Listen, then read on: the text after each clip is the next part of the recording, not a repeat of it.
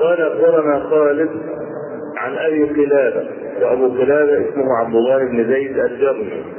قال قال أنس قال رسول الله صلى الله عليه وسلم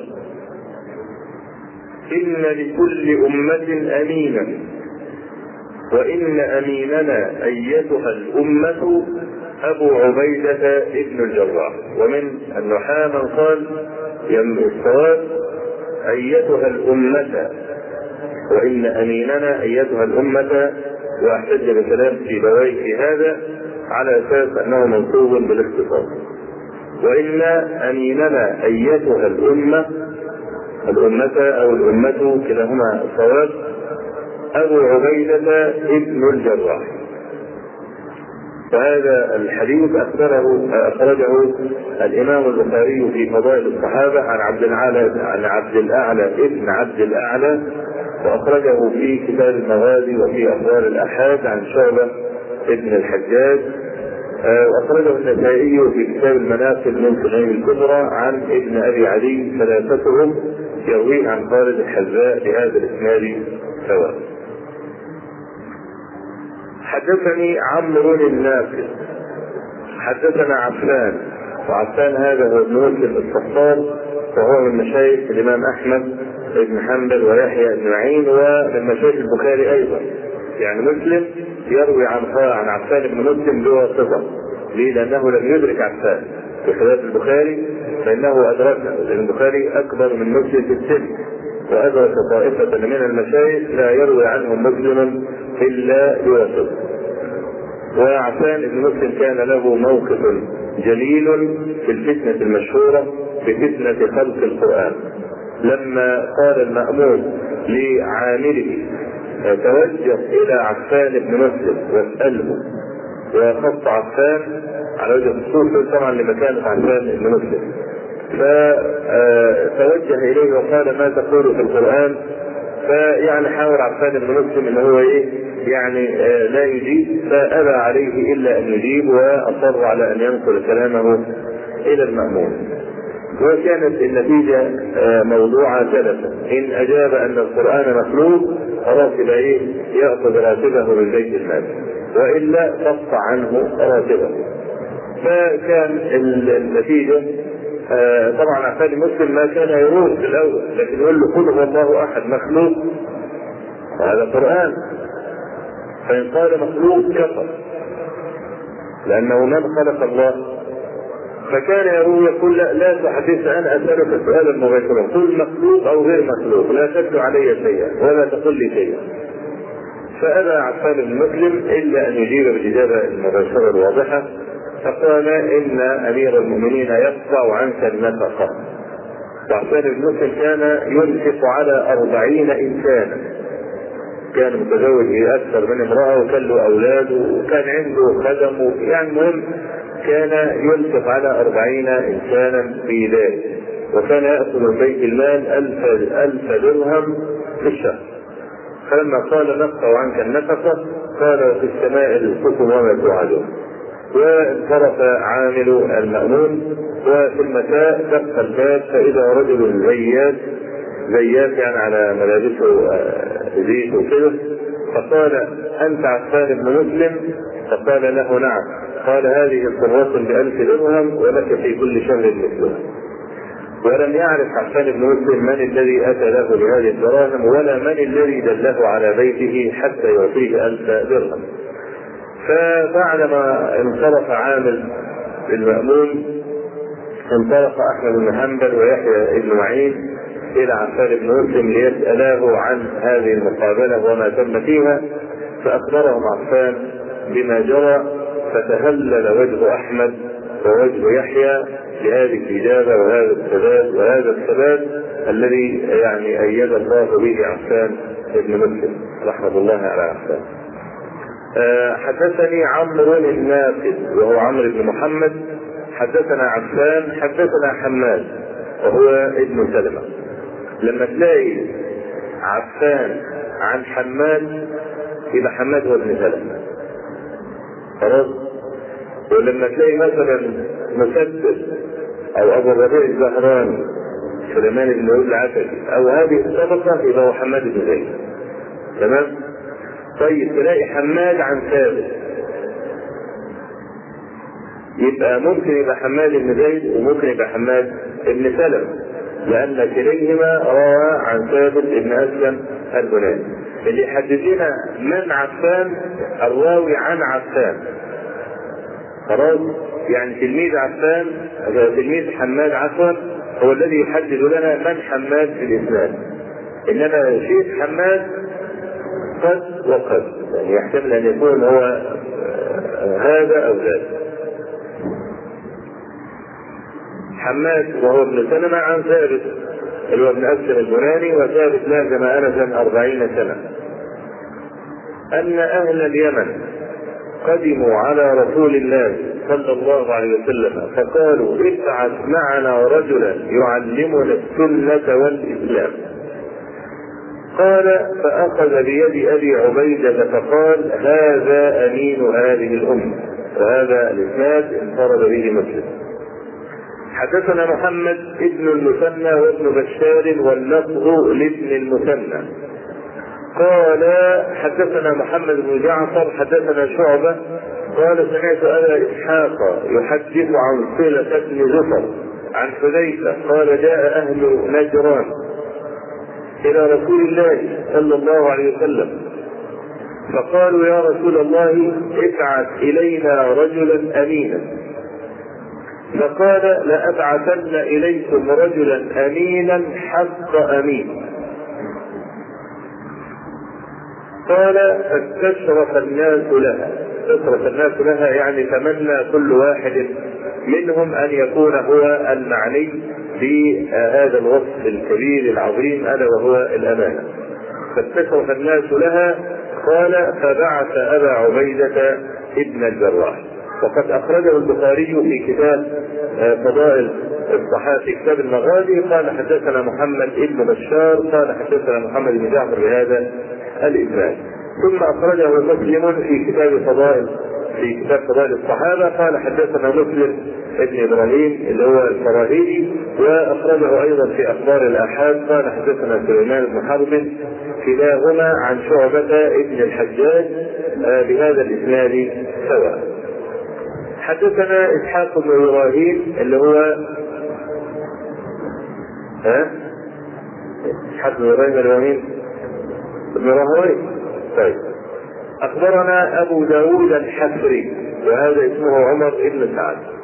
حدثنا سفيان عن أبي إسحاق.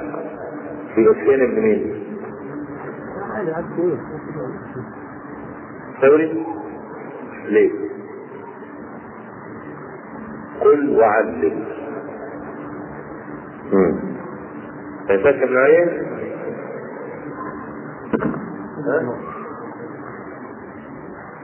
ابن سفيان ابن برضه. سفيان ابن اللي هو ابن سعيد المناسوب الثوري لازم يكون سفيان ابن واحد يعني لازم يكون له اب يعني طيب سفيان ابن مين؟ طيب. بين مسلم وبين سفيان. كم راوي؟ ها؟ شوف زي ما نقول كل تاني كان رواه الحديث يسمعون الحديث مرة واحدة. فقط فقط البخاري ظل ثلاثة أشهر. مش ثلاث دقايق. ثلاث ثلاثة أشهر. عفوا ظل البخاري ثمانية عشر يوما. يسمع من الشيوخ ولا يكتب شوف على شيء الشيخ كل شيء بيعمل له إيه؟ مجلس فيه كم حديث؟ ولا يكتب فلاموه بذلك أنت تيجي تحضر ولا تكتب فيسكت لا يرد. الكلام ده من أول يومين. فلما أكثروا عليه حتى مروا ثمانية عشر يوما قال قد أكثرتم علي فاعرضوا علي ما كتبتم. خلاص؟ فكل واحد مسك الدفاتر بتاعته والبخاري يسمع. حتى أتى على حفظ ثمانية عشر يوما قالوا فصرنا نحكم كتبنا من حفظه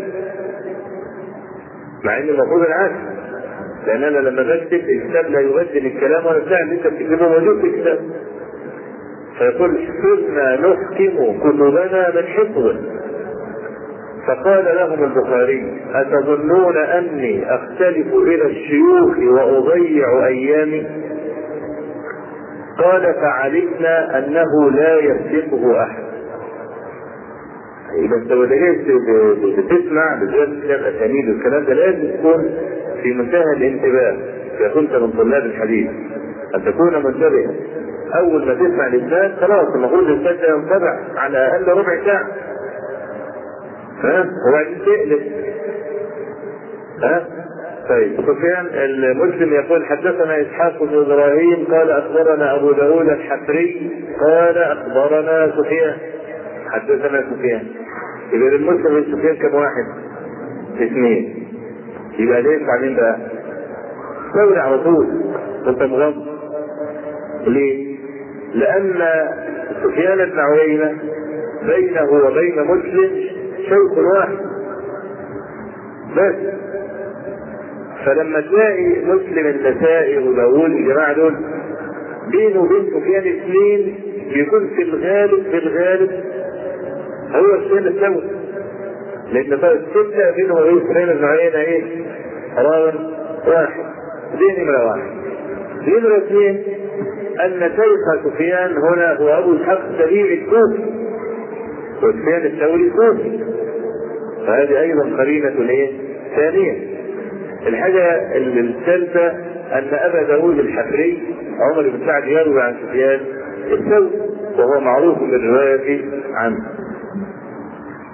حدثنا إسحاق بن إبراهيم أخبرنا أبو داود الحفري حدثنا سفيان عن أبي إسحاق بهذا الإسناد نحوه وقد أخرجه الإمام البخاري في كتاب المغازي من طريق إسرائيل بن يونس ابن أبي إسحاق السبيعي عن جده أبي إسحاق بهذا الإسناد وفيه قصة في أوله.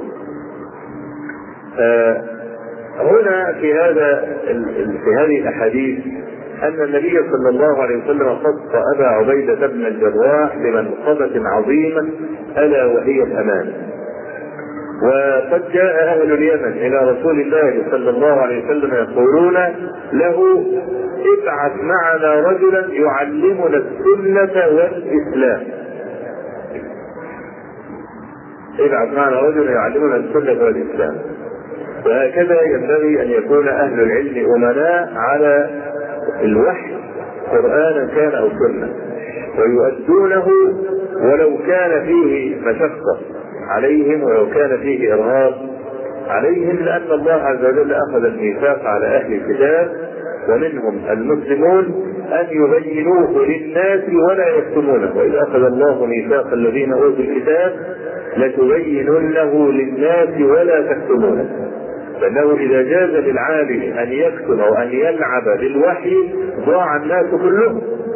لأن هم الأمناء على دين الله عز وجل. ويعني لله بر من قال يا رجال الدين يا ملح البلد من يصلح الملح إذا الملح فسد. وقال القائل إذا زل العالم زل بزلته عالم. ولذلك ذهب المحققون من أهل العلم إلى أنه لا ينبغي للعالم أن يترخص في زمان الفتن. ليه؟ لأن العوام لا يعلمون أنه مترخص. والرخصة بخلاف العزيمة بل الرخصة قد تكون مناقضة للنص الشرعي الصريح. النص الشرعي الصريح. يعني الرجل قد يقول كلام الكفر. الذي لو قاله مختارا لكفر. لو قاله مختارا لكفر. ومع ذلك الرجل العامي لو قاله وقلبه مطمئن بالإيمان فإنه لا يكفر بذلك. حتى لو نطق بكلام الكفر الصريح.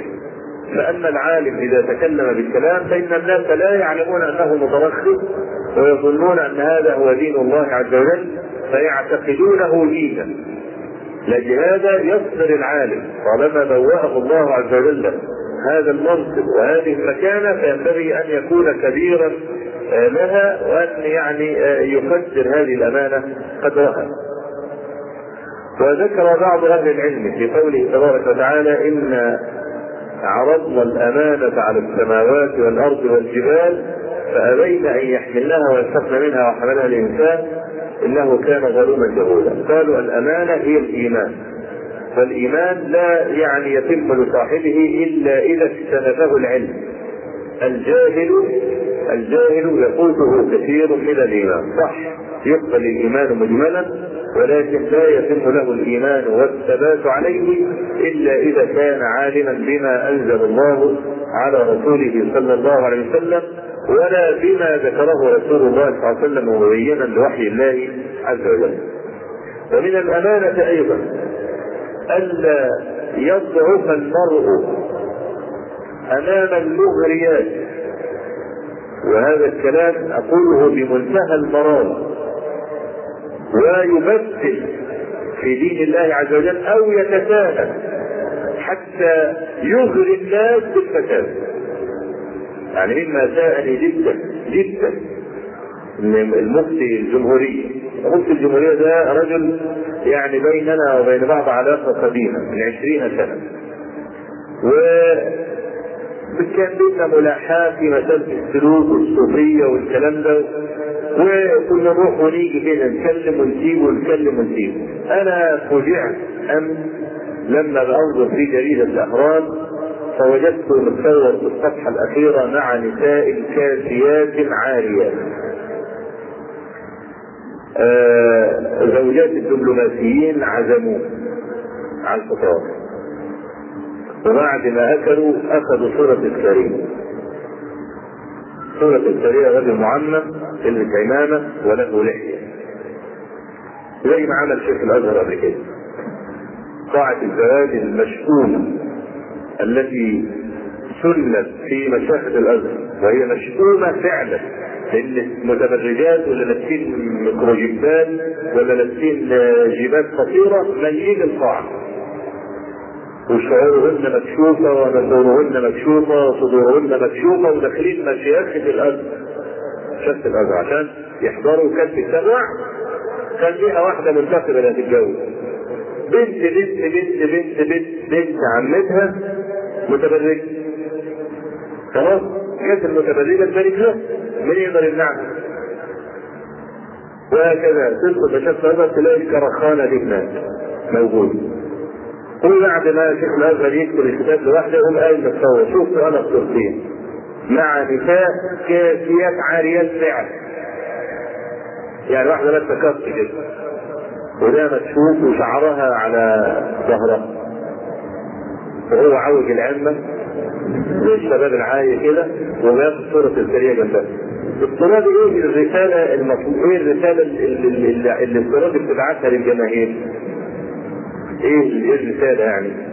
الرسالة إن العالم اللي بيقول لك لا الراجل ما يشوفش الست وما تدخلش على الست هو ناس متزمتين.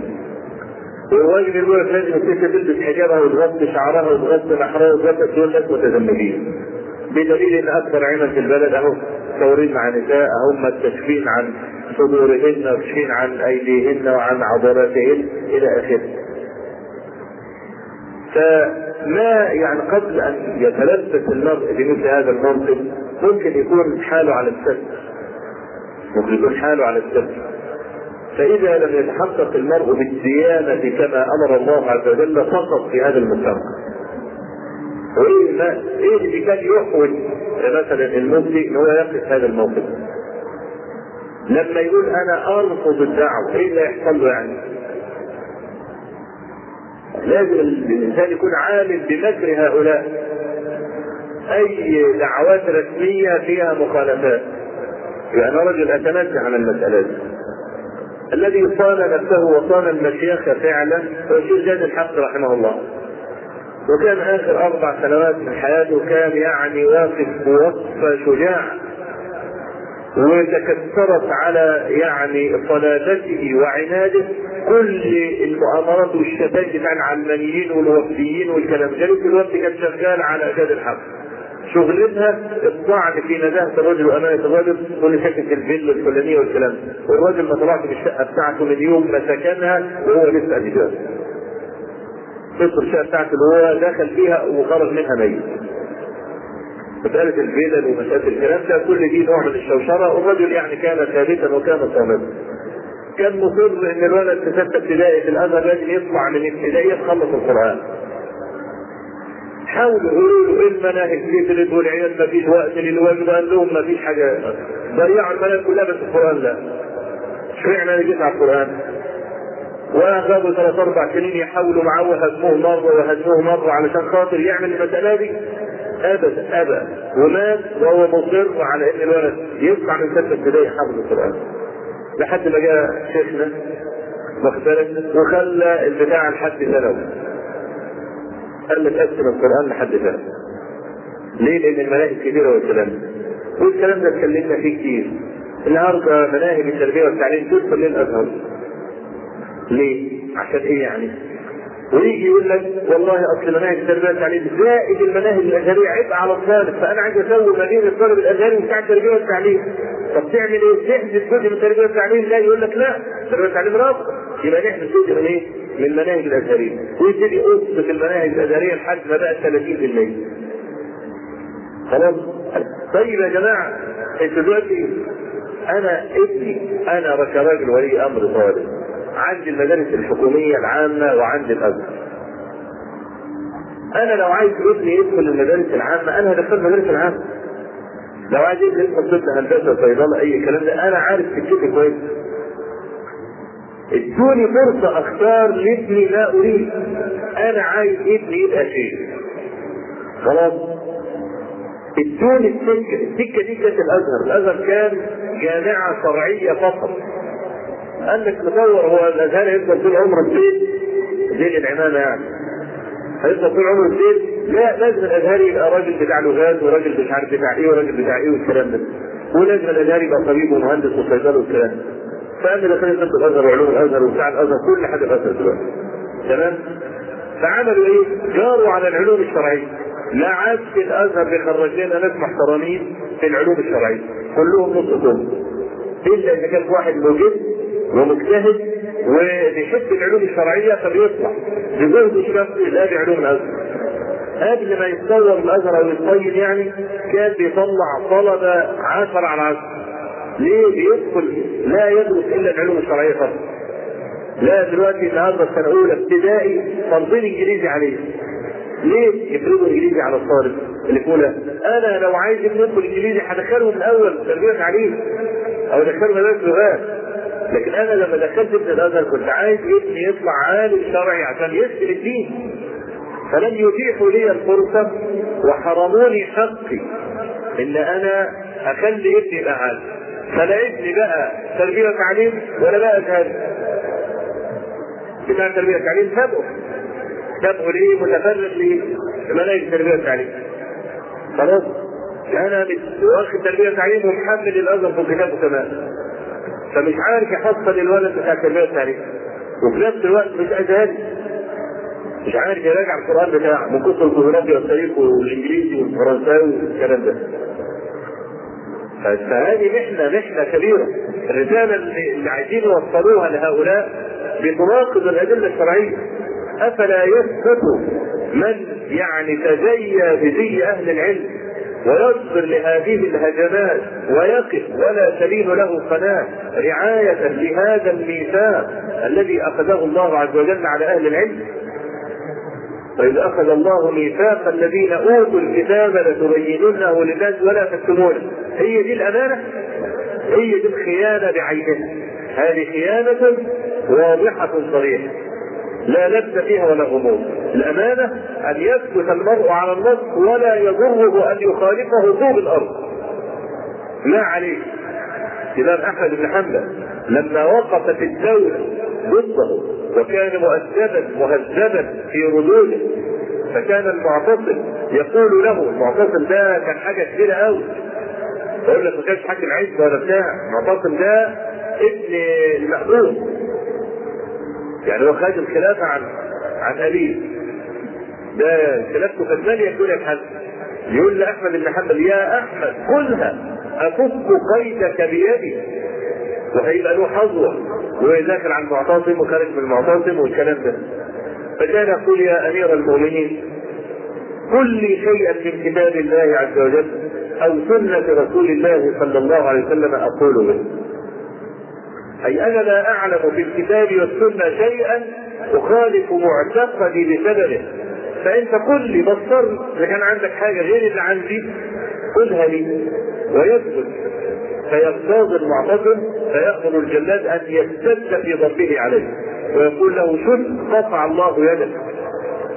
فالجلاد بقى عشماوي بقى عم بيضرب على آخره. وكان في واحد كده اسمه عجيب. شوف حتى اسمه عجيب. ده اللي كان ماسك السيف وعمال يسجد الامام دي. في ظهر السيف كده ويقول له أأنت على حق وكل هؤلاء على باطل. عجيب عجيب وعشماوي كله عين عين عين. في يوم مش عاجبه المعتصم أحمد اتضرب الضرب الشديد ده يقوم هو نازل نفسه ويقول له تعالى معلمك الضرب. ويمسك هو الصوت ويجلد الامام أحمد. هي دي السوء اللي وقع فيها المعتصم. والتي اجرت به وخفضت من مرتبته. لو عمل كده مع الإمام أحمد بن حنبل وعلماء المسلمين فيما يتعلق بحفظ القرآن. هي دي الأمانة. يسكت الإنسان ولا يبدل. يسكت ولا يبدل. لكن تحت ضغط المجتمع زي المفتي السابق. المفيد فوز النصراني الصاحب النصراني هو اللي بيعمل معاه حوار. خلاص. يقول له آه في جماعة الارهابيين بيقولوا كذا كذا كذا. انت موافق؟ طبعا لو وافق هيبقى ارهابي وهو مش عايز يبقى ارهابي مفيش هيوافق تصور شوف المهزلة وصلت إلى والمهانة وصلت إلى هذا الحد. طبعا اللي وصلنا لهذا هم المشايخ نفسهم. لما هانوا على أنفسهم هانوا على الخلق. ولو سببوا لتكثرت كل هذه الهجمات على اليقين الذي يحملونه بين جنوبهم لأن القرآن والسنة يعطيان العبد قوة. لأن الله عز وجل هو الذي يثبت القلب. شوف لما أهل اليمن طلبوا رجلا يعلمهم السنة والإسلام قال النبي صلى الله عليه وآله وسلم فأخذ بيد أبي عبيدة قال هذا أمين هذه الأمة. يعني هذا ممن ائتمنه على تعليم الناس السنة وتعليم الناس القرآن. كذلك بضد الأمانة الأخذ برخص أهل العلم. يكون عندك المساله أربع أقوال. خلاص؟ يقول يأخذ بأضعف الأقوال كلها إذا كان موافقا للواقع. ولا يراعي المسألة من جهة الدليل وتصحيح الدليل. هل هذا هو الصواب أم لا؟ لما في أي مسألة قال بها عالم حتى لو كانت من أخطاء هذا العالم. واحتاج إليها لأن واقع الناس بيقول هذا الكلام يقوم يفتي لهذا ويقول لك أنا مسبوق. المسألة مش مسألة مسبوق المسألة مسألة حجة. فإذا كانت المسألة أكثر من قول ينبغي كعالم أن أحقق القول الصحيح حتى لا أنسب إلى الشرع أخطاء البشر. فلو كان من عند غير الله لوجدوا فيه اختلافا كثيرا. فليس من الأمانة أن أختار أضعف الأقوال لأسلك واقع الناس. لا سيما إذا كان هذا الواقع بخلاف النص. واقع إنما يعني آه ظهر بسبب تساهل الناس بسبب آه يعني الرخص التي يبحث عنها الناس. الحقيقة الأمانة فيها كلام طويل والأمين هو الثقة الرضي. الأمين هو الثقة الرضي. نسأل الله أن يجعلنا من الأمناء على دينه وأن يشرفنا بهذه المنزلة.